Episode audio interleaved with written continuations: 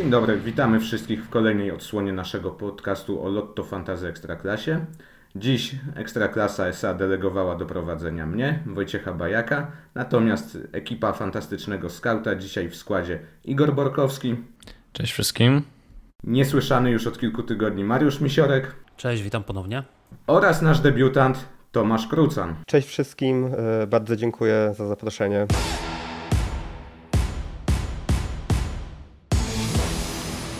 Przez lata e, Dariusz Szpakowski wpoił polskim telewizom, że pierwszy kontakt z piłką to jest ten najważniejszy w meczu, więc od razu automatycznie pierwsze pytanie do Tomka na rozgrzewkę. Jak po 30 kolejce?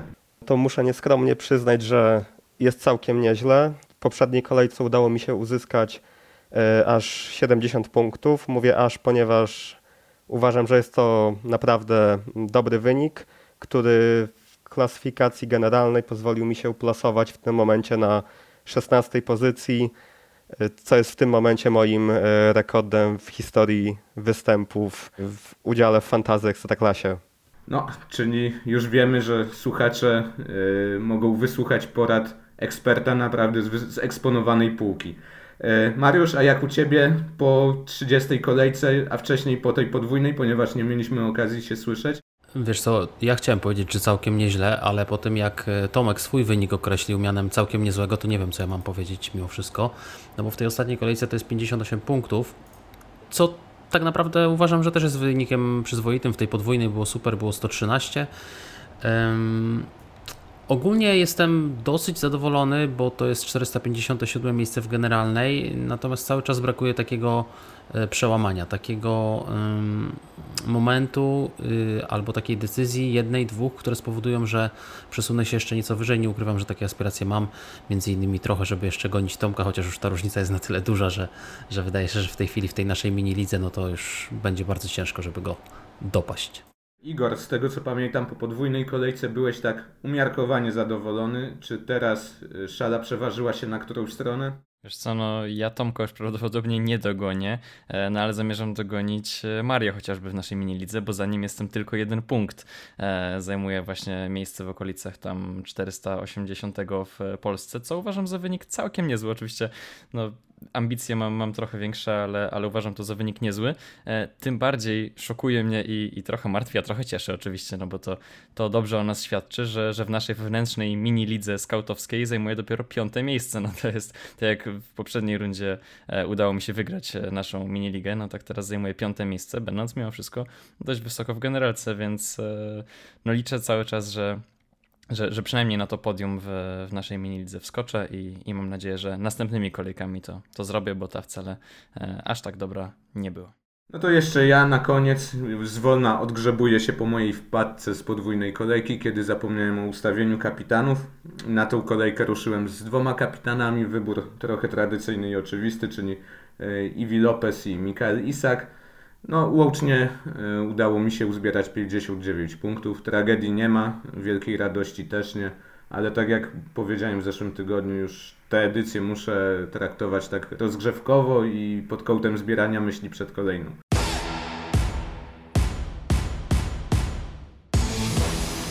A skoro już o zbieraniu myśli mowa, y, była to y, kolejka rekordowa pod względem liczby goli w tym sezonie, łącznie 34. I wygląda na to, że mamy bogactwo wyboru, jeśli chodzi o atak.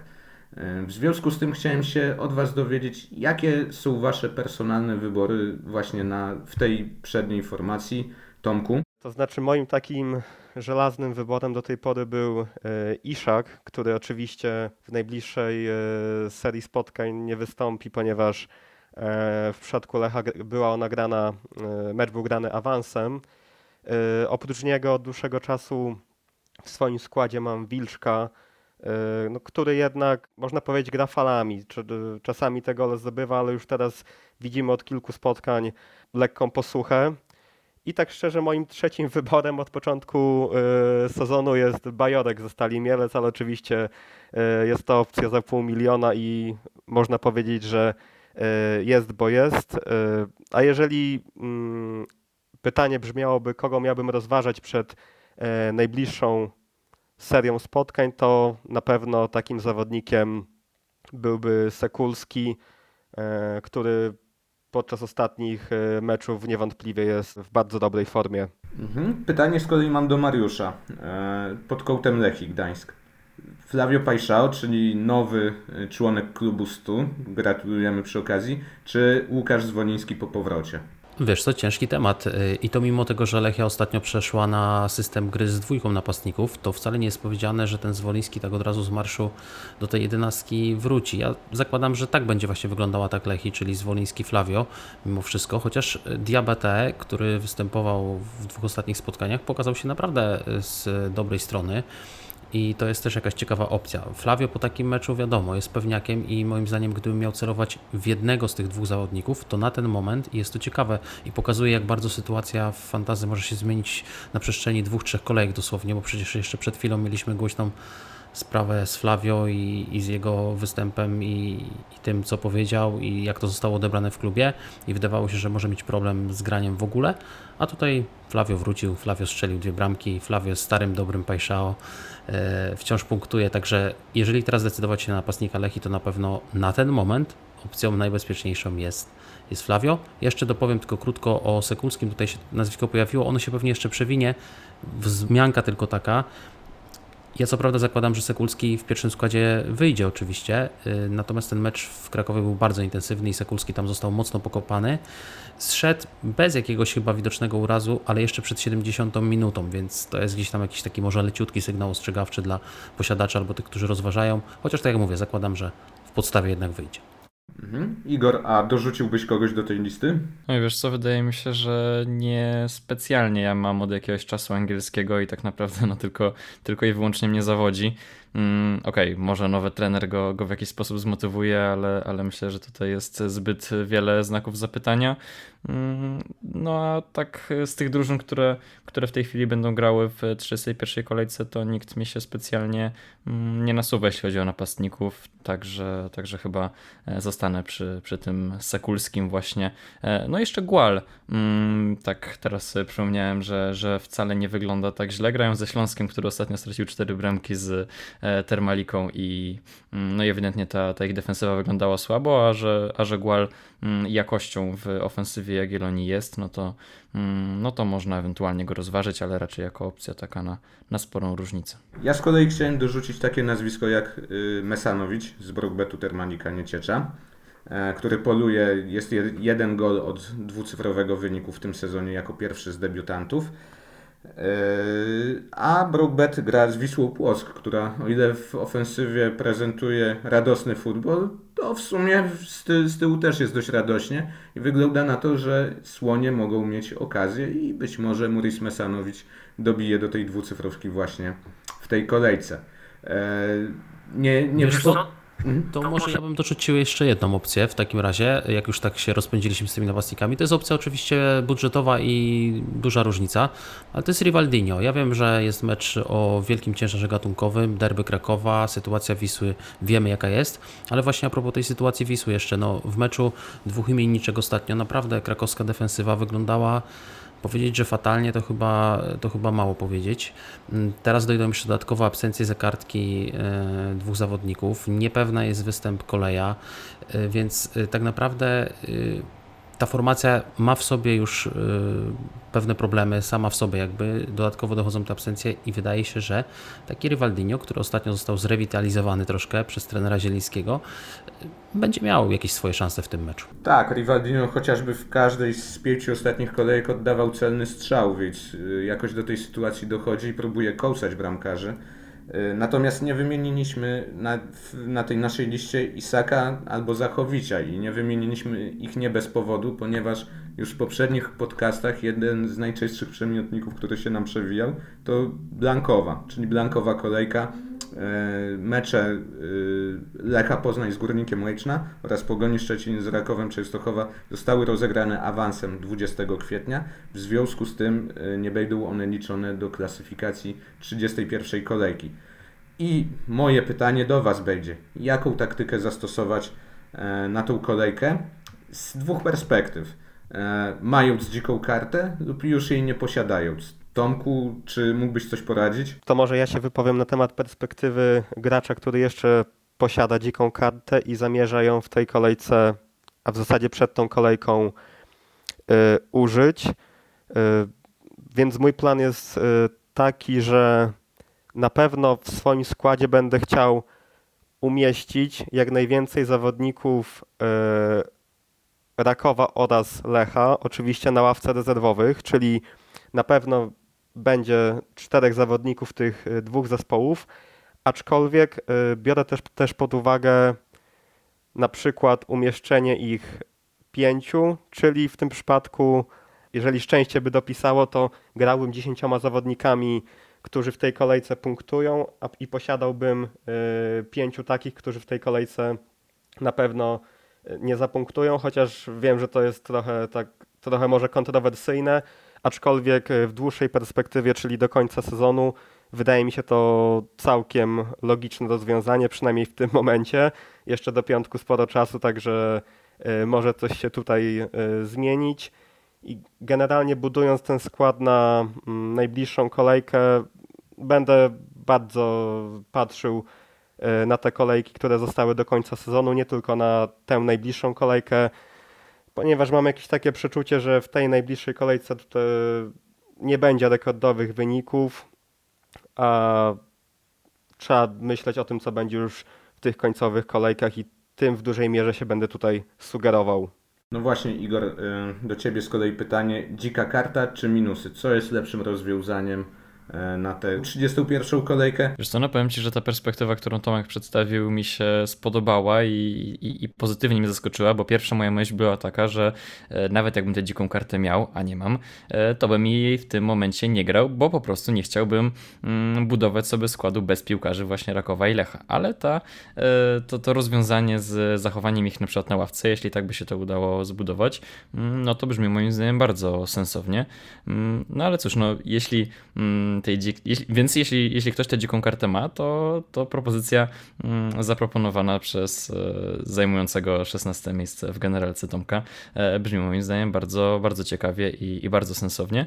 Mm, no jeśli tej dzikiej karty się nie ma, to, to też nie pozbywałbym się e, w miarę możliwości wszystkich piłkarzy Lecha i Rakowa ze swoich składów, Pogoni również, no bo to też trzeba o nich pamiętać.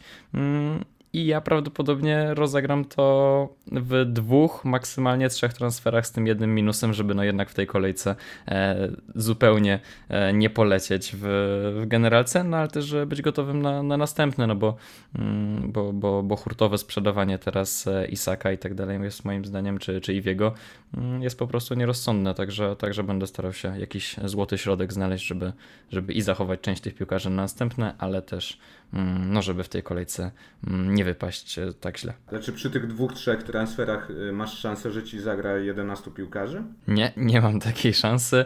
E, szczerze mówiąc nawet nie pamiętam ilu w tej chwili mam grających, ale biorąc pod uwagę, że mam na przykład Zbozienia, który, e, który, no, którego występ stoi cały czas pod znakiem zapytania, czy Matysika, którego no, sytuacja jest podobna, a nawet e, Łakomego ostatnio kupiłem, a teraz to zacząłem się zastanawiać, czy, e, czy na 100% on wyjdzie w podstawie, mm, no to faktycznie u mnie wygląda to, wygląda to kiepsko.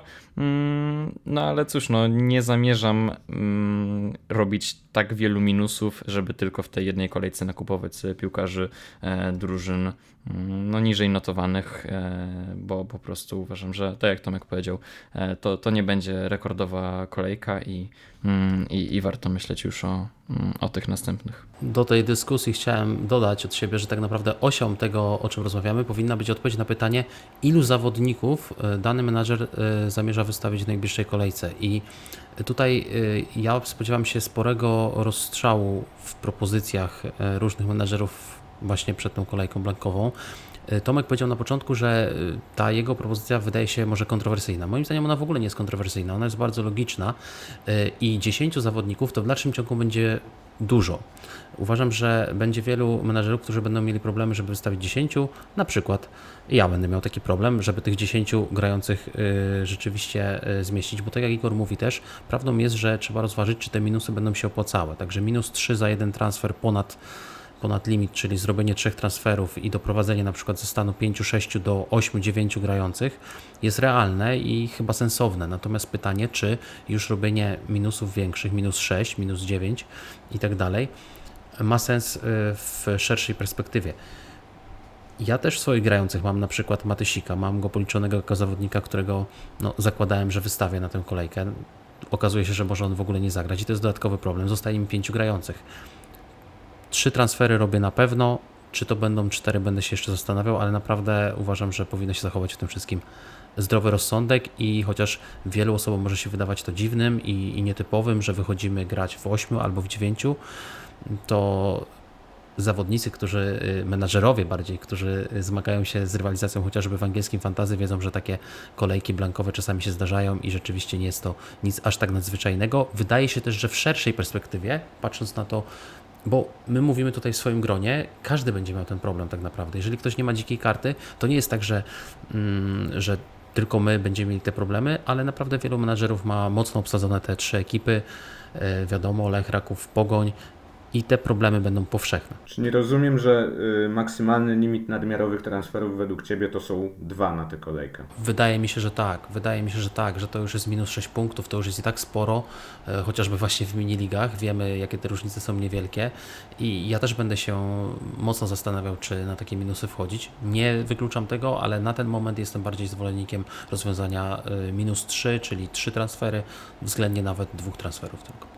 E, do tego, co mówił Mario, ja bym jeszcze mm, dodał jedną rzecz, a mianowicie, aby przeanalizować sobie terminarz tej kolejki najbliższej e, i samemu sobie przekalkulować, czy w tej kolejce mamy takich faworytów, zdecydowanych spotkań, że jest warto dla nich, e, dla kupna zawodników tych ekip robić transfery za minus 3. W mojej perspektywie wydaje się, że nie, ponieważ większość tych spotkań jest dość e, wyrównana, także to sobie każdy menadżer musi sam przekalkulować. E, jednak wydaje mi się, że no ja się zgadzam, że tutaj nie ma oczywistych faworytów, ale właśnie tak jak Mario powiedział, on ma pięciu grających, ja teraz e, przeliczyłem, no to też koło piątki mi wyjdzie, a w tym składzie jest chociażby właśnie angielski, czy, e, czy jeszcze jakiś inny taki piłkarz, którego docelowo bym w swojej drużynie nie chciał mieć, e, więc, więc być może mm, nie, nie każdy ma taki komfort jak ty i, i po prostu będziemy musieli te minusy zrobić, nawet jeśli mm, ci zawodnicy mają nie mieć tak bardzo oczywistych punktów do, do zdobycia, no to, to przynajmniej, żeby żeby zdobyli te, te minimalne za grę i, e, no i mieli potencjał na coś więcej, tak, e, tak, tak to rozumiem. Mm, chociaż no oczywiście te, masz rację i tak jak w, poprzednich, w poprzedniej rundzie na przykład mm, nie zagrałem ani razu z minusami i, i, i, zrobiłem swój rekordowy wynik, tak w tej, e, w tej edycji już kilka razy minusy mm, w mojej drużynie były grane i, i wcale nie idzie mi tak dobrze, więc, więc może masz rację, że, że jednak trzeba Mm, bez minusów grać, na zasadzie, że, że tutaj nigdy nie ma takich stuprocentowo pewnych e, punktów. No i panowie, dzięki tej refleksji płynnie przeszliśmy do kolejnego tematu, który właśnie chciałem poruszyć. E, powiedzieliśmy, jakie mamy taktyki na tą 31 kolejkę, a teraz pytanie, kim zastąpić naszych pewniaków dotychczasowych z Lecha, Pogoni czy Rakowa? E, dla mnie, jak spojrzałem na terminarz, nie tylko tej kolejki właśnie jak powiedział Tomek, ale też następnych. Y, na pierwszy plan wysuwa się Wisła Płock z Łukaszem Sekulskim, z Piotrem Tomasikiem, z Christianem Walo, y, jeszcze z kilkoma innymi graczami i czy się ze mną zgadzacie, że w tym zespole warto poszukiwać wzmocnień, Igor? Tak, jak najbardziej.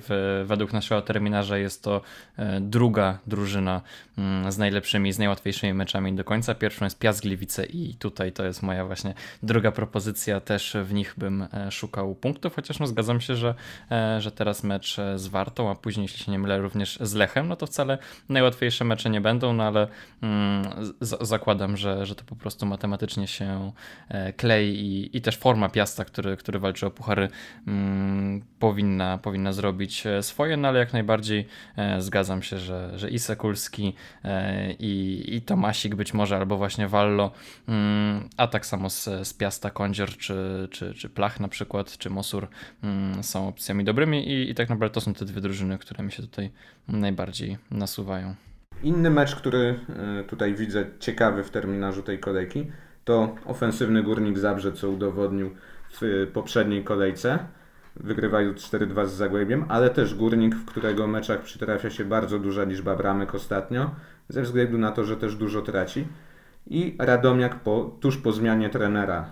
Y, czy warto szukać zawodników przede wszystkim po stronie górnika, czy też lepiej sobie odpuścić ten mecz Tomku? E, jak mam być całkiem szczery, to rozważam umieszczenie aż trzech zawodników górnika w swoim składzie.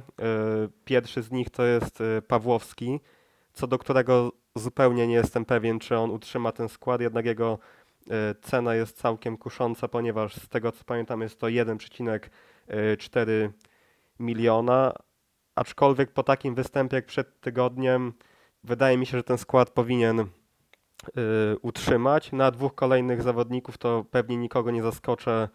Mm, są to oczywiście Podolski oraz Nowak, tylko z zastrzeżeniem, że takiej trójki raczej nie planuję trzymać już do końca sezonu, że jest to bezpośrednio strzał na tę jedną kolejkę, ponieważ karty będę mógł sobie na to pozwolić. No i trzeba też oczywiście o tym pamiętać, że Podolski ma na swoim y, koncie 7 y, żółtych kartek i każda kolejna będzie oznaczała to, że będzie musiał sobie odpocząć y, w kolejnym spotkaniu. Co do Dariusza Pawłowskiego, to jeszcze tylko powiem, że ma gola i dwie asysty w dwóch ostatnich meczach. Ciekawostka, że asystował przy obu golach Bartosza Nowaka, także to też nasuwa to, że warto inwestować w ten duet. E, Mariusza natomiast chciałem zapytać o Zagłębie Lubin Lechia Gdańsk. Już trochę zaczęliśmy ten temat e, o napastnikach.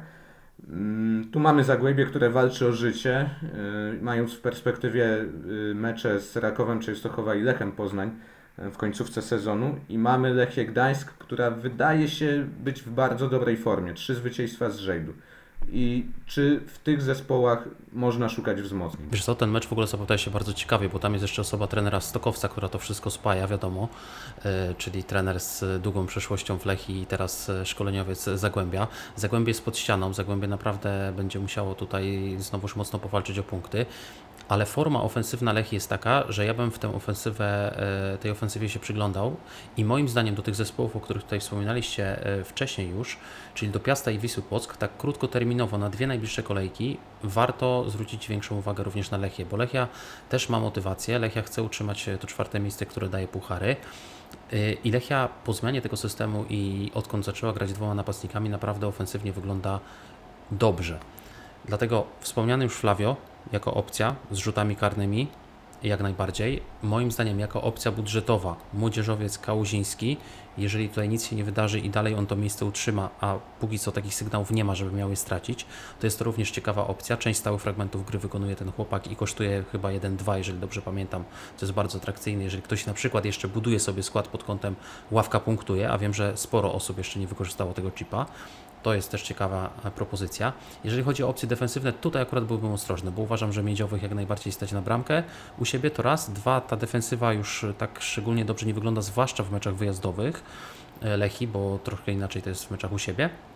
No i wreszcie tam są jeszcze też problemy kartkowe, tak? Czyli Kuciak jest na trzech kartkach i Nalepa jest na trzech kartkach, czyli każda kolejna żółta znowuż grozi zawieszeniem. A nie obawiasz się w jakimś stopniu e, tej wyjazdowej Lechii? Oczywiście przełamali się w Zabrzu, ale, ale no te ich wyjazdy są generalnie kiepskie.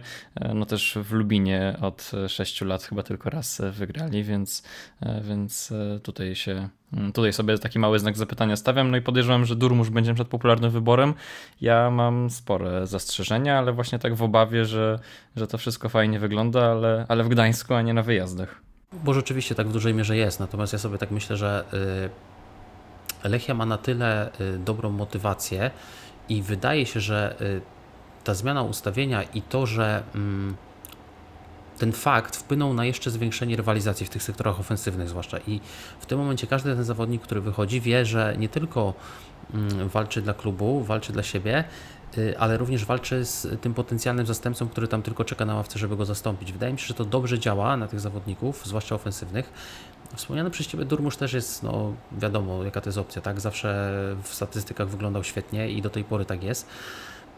Tylko, że to jest zawodnik, który no, ciężko u niego o pewną stabilizację. Jest to człowiek, który daje dwucyfrowy wynik w punktach, po czym przez 3-4 kolejki milczy.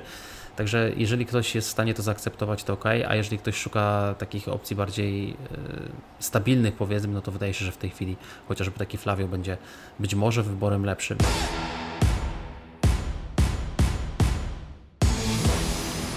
Chciałem Was zapytać jeszcze o dwa mecze. Pierwszy z nich to jest y, derby Krakowa, Krakowia-Wisła. Gdzieś kiedyś usłyszałem teorię, że w fantazy powinno się jak najbardziej uciekać od y, wyboru zawodników właśnie z meczów derbowych, ponieważ jak głosi stara piłkarska prawda, one rządzą się swoimi prawami. Chciałem się dowiedzieć od Was, czy się z tym zgadzacie, Tomek? Trudno powiedzieć. Generalnie, y, jak mam być szczery, ja nie planuję zakupu. Oczywiście w tym momencie do piątku jeszcze sporo czasu, więc dużo rzeczy się może zmienić. Jednak nie planuję zakupu zawodników żadnej z tych ekip do swojego zespołu. Y, tuż przed meczem y, Wisły mm, Kraków z jej imienniczką z Płocka myślałem między innymi o Fernandezie.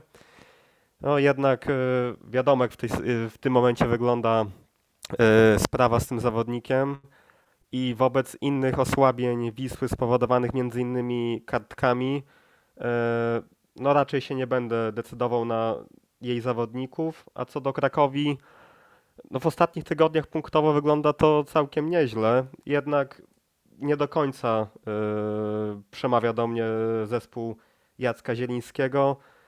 Jako taką opcję bardziej budżetową, oprócz wcześniej wymienionego przez y, Mariusza Rivaldinho, no to jeszcze bym dołożył y, Myszora, który jest bodajże za 1,4 i ostatnio zapunktował, a był bliski nawet większej liczby punktów, ponieważ y, jedną bramkę zdobył ze spalonego.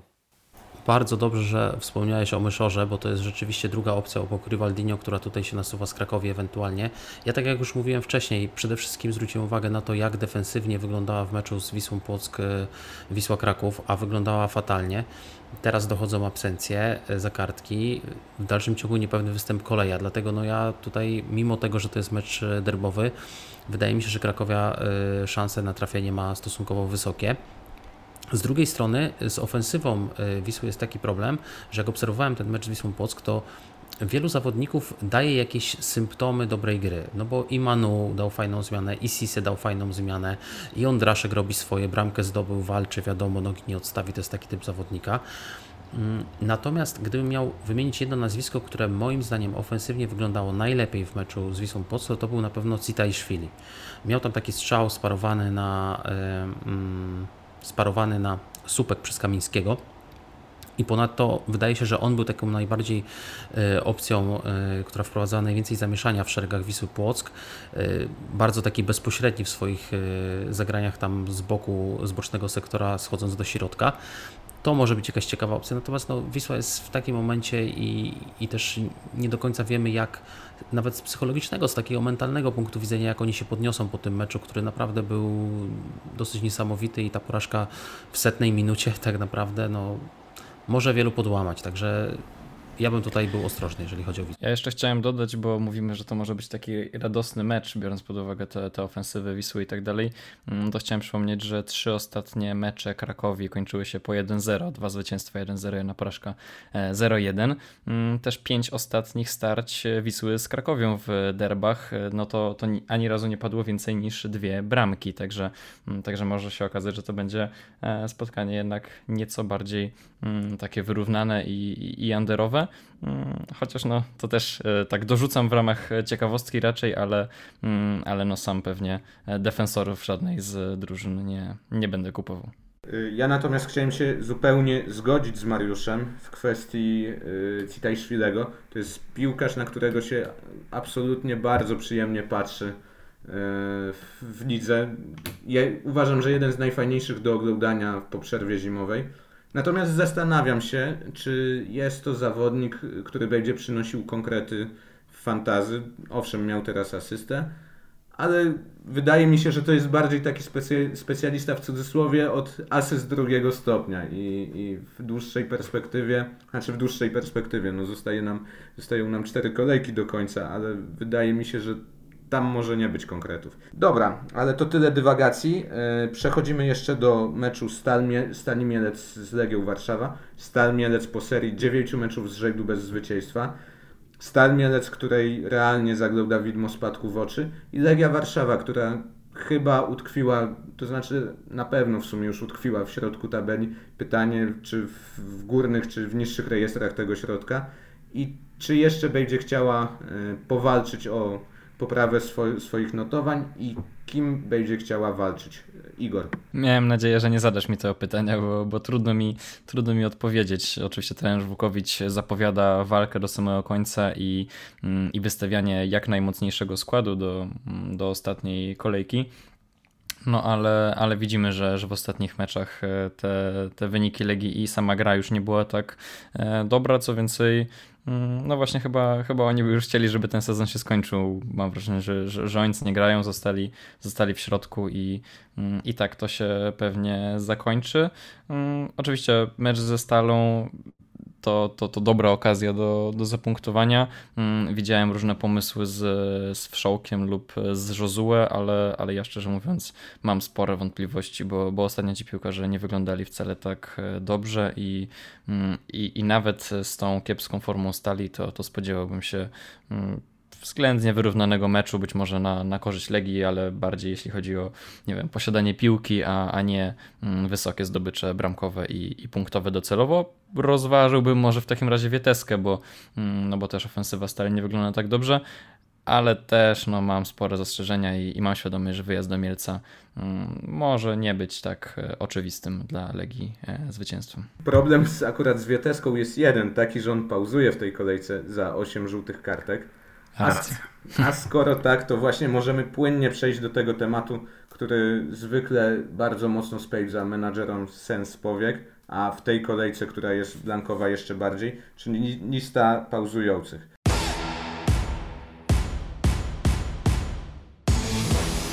Mateusz Wieteska i Krzysztof Kubica to są te dwa nazwiska, które wysuwają się na plan pierwszy.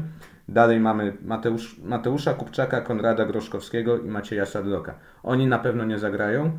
E, tak jak powiedzieliśmy, najprawdopodobniej z, z tej listy najczęstszym wyborem był Wieteska i Kubica. Natomiast mamy też rozbudowaną e, listę zagrożonych pauzą w 32 kolejce. I pytanie do Was, czy gdzieś tam Waszym zdaniem tkwi e, problem przy konstruowaniu składów w perspektywie końcówki sezonu. Tomku? No oczywiście tutaj pierwsza rzecz, która się yy, rzuca, to jest e, Podolski, który ma tych żółtych karty, kartek 7 i w tym momencie konstruując skład na te najbliższe kolejki trzeba o tym pamiętać. No i generalnie, znaczy nie tylko jak ktoś bierze dziką kartę, tylko patrzy w jakiejś szerszej perspektywie, trzeba mieć to z tyłu głowy, ponieważ tych kolejek nie zostało już yy, zbyt dużo i no kiepsko by było przy tej ograniczonej liczbie transferów, jakby jakiś zawodnik nagle się e, wysypał z powodu tych właśnie popularnych żółtek. Mhm. Tutaj właśnie też ostrzeżenie dla posiadaczy Duszana Kucjaka, który e, Mariusz już wspomniał na początku podcastu, że ma trzy żółte kartki, a ostatnio całkiem nieźle punktuje z racji czystych kąt. Więc e, tutaj czai się dość poważne zagrożenie. Dobra, oddaję teraz głos Igorowi, bo przechodzimy do tradycyjnego kołcika Zapytaj Skauta.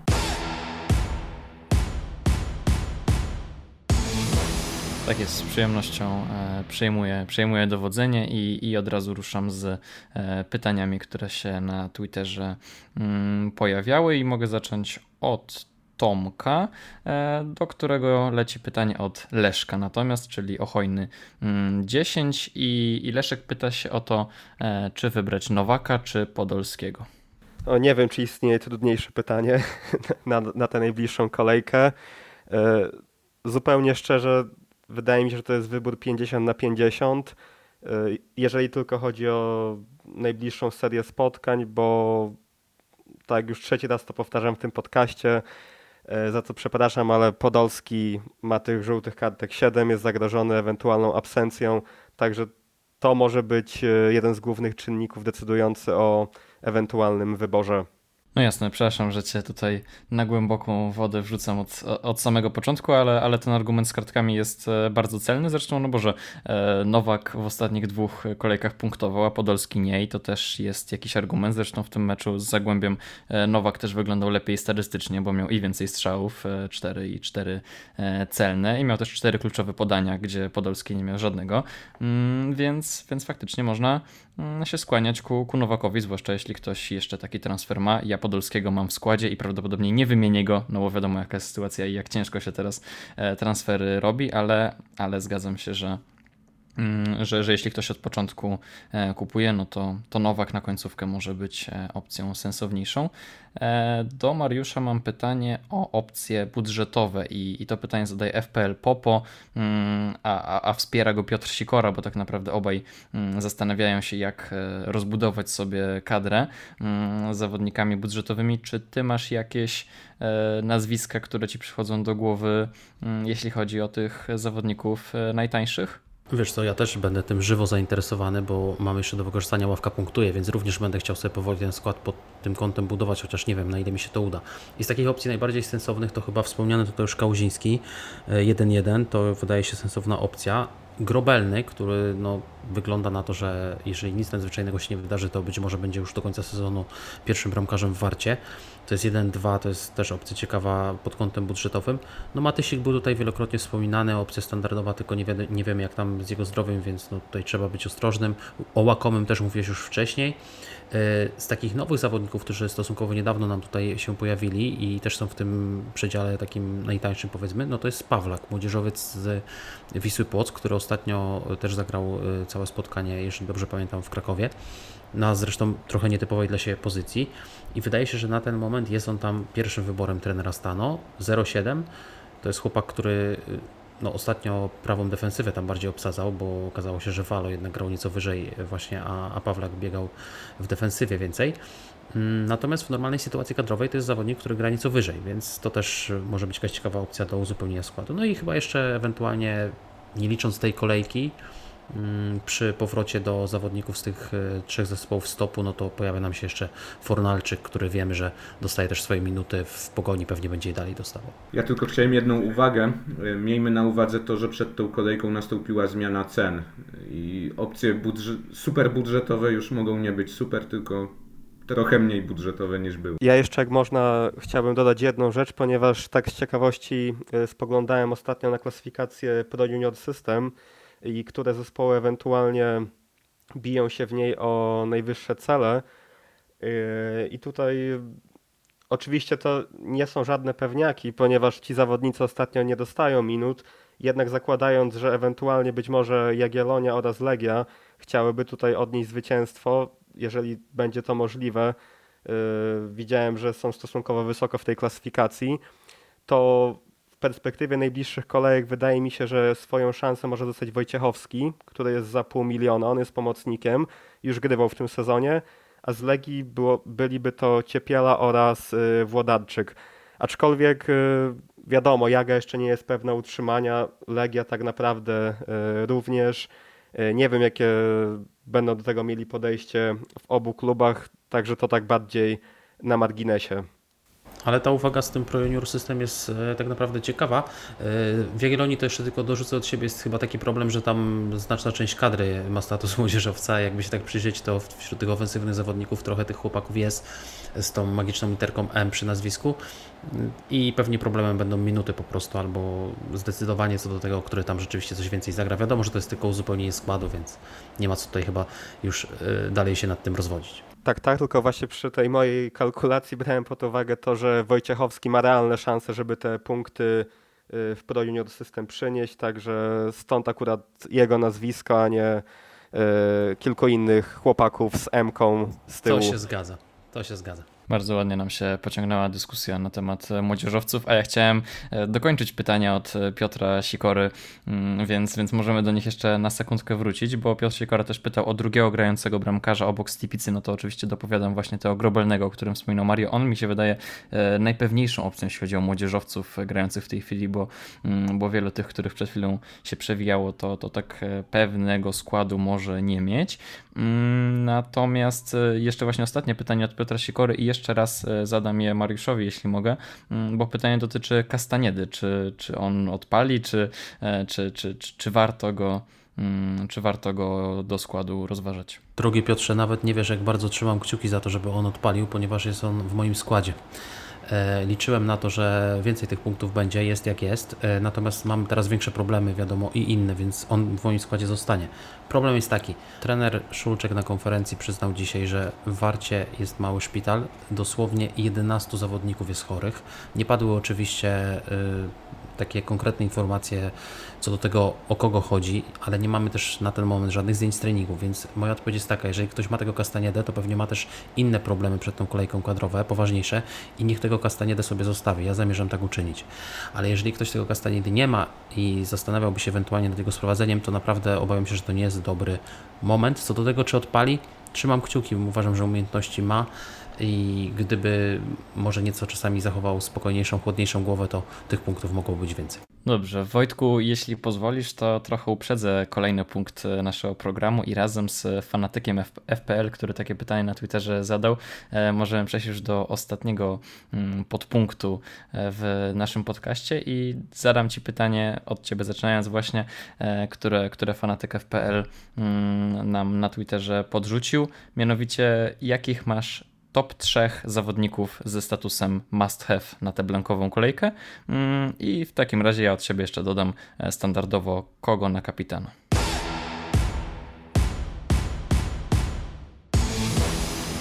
Top 3. Nie jest to łatwe pytanie, ponieważ tak jak powiedzieliśmy, no kolejka jest pełna pytań nie, nierozwiązywanych, ale tak jak na początku podcastu powiedziałem, szukałbym wzmocnień Wiśle Płock mimo tego, że Sekulski został ściągnięty, to dla mnie 7 e, goni w 2022 roku tego zawodnika, w tym 5 w czterech ostatnich kolejkach.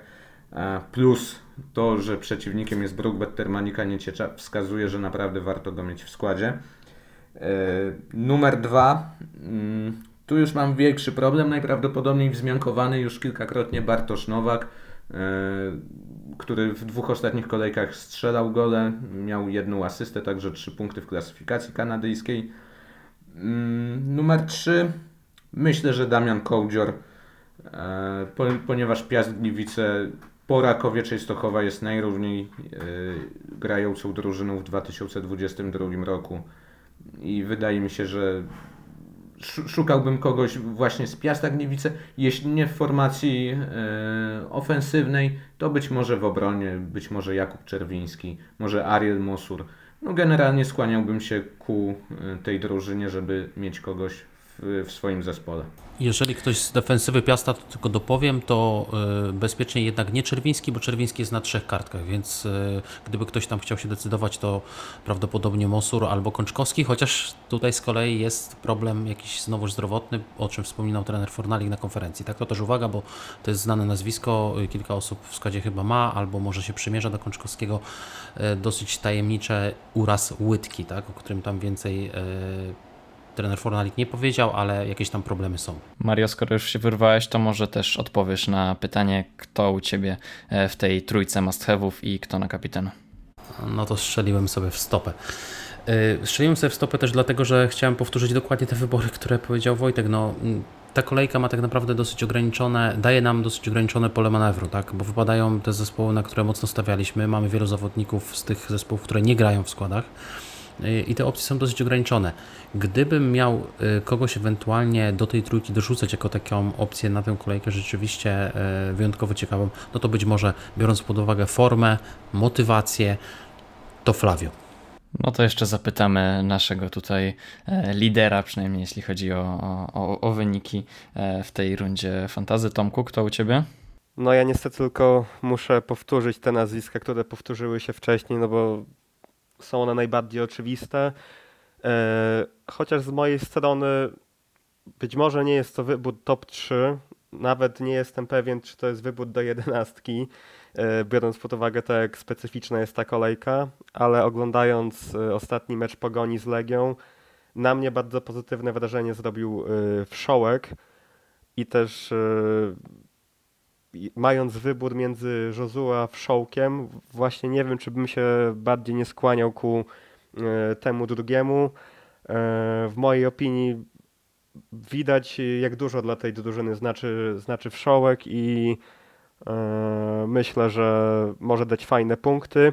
Też przy porównaniu Josue Wszołek biorę to pod uwagę, że ze swoich wielu asyst Josue dwie mm, zrobił po dośrodkowaniach na głowę Mateusza Wieteski, którego w Mielcu zabraknie.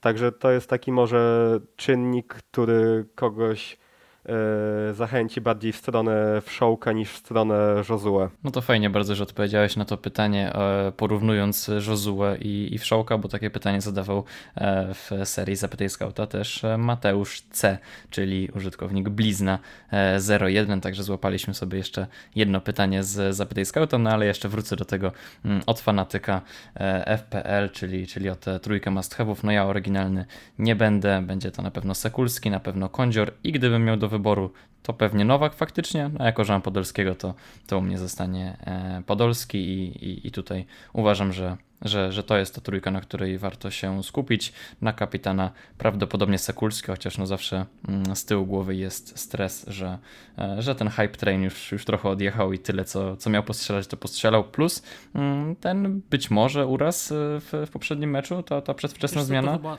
to chyba ciężko powiedzieć, że to był uraz, tak żeby od razu wyklarować. Tylko po prostu to był bardzo fizyczny mecz.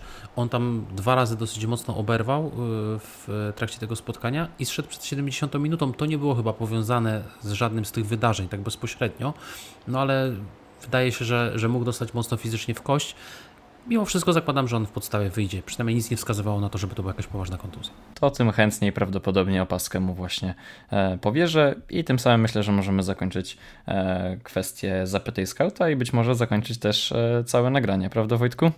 Jeszcze ode mnie ty, tylko tyle, że y, mamy ostatnią kolejkę kwietniową. W związku z tym poznamy y, menadżera kwietnia. Ci zawodnicy, którzy są wysoko w klasyfikacji tego miesiąca, będą walczyć o nagrody od Lotto, naszego sponsora, partnera tytularnego y, całej gry.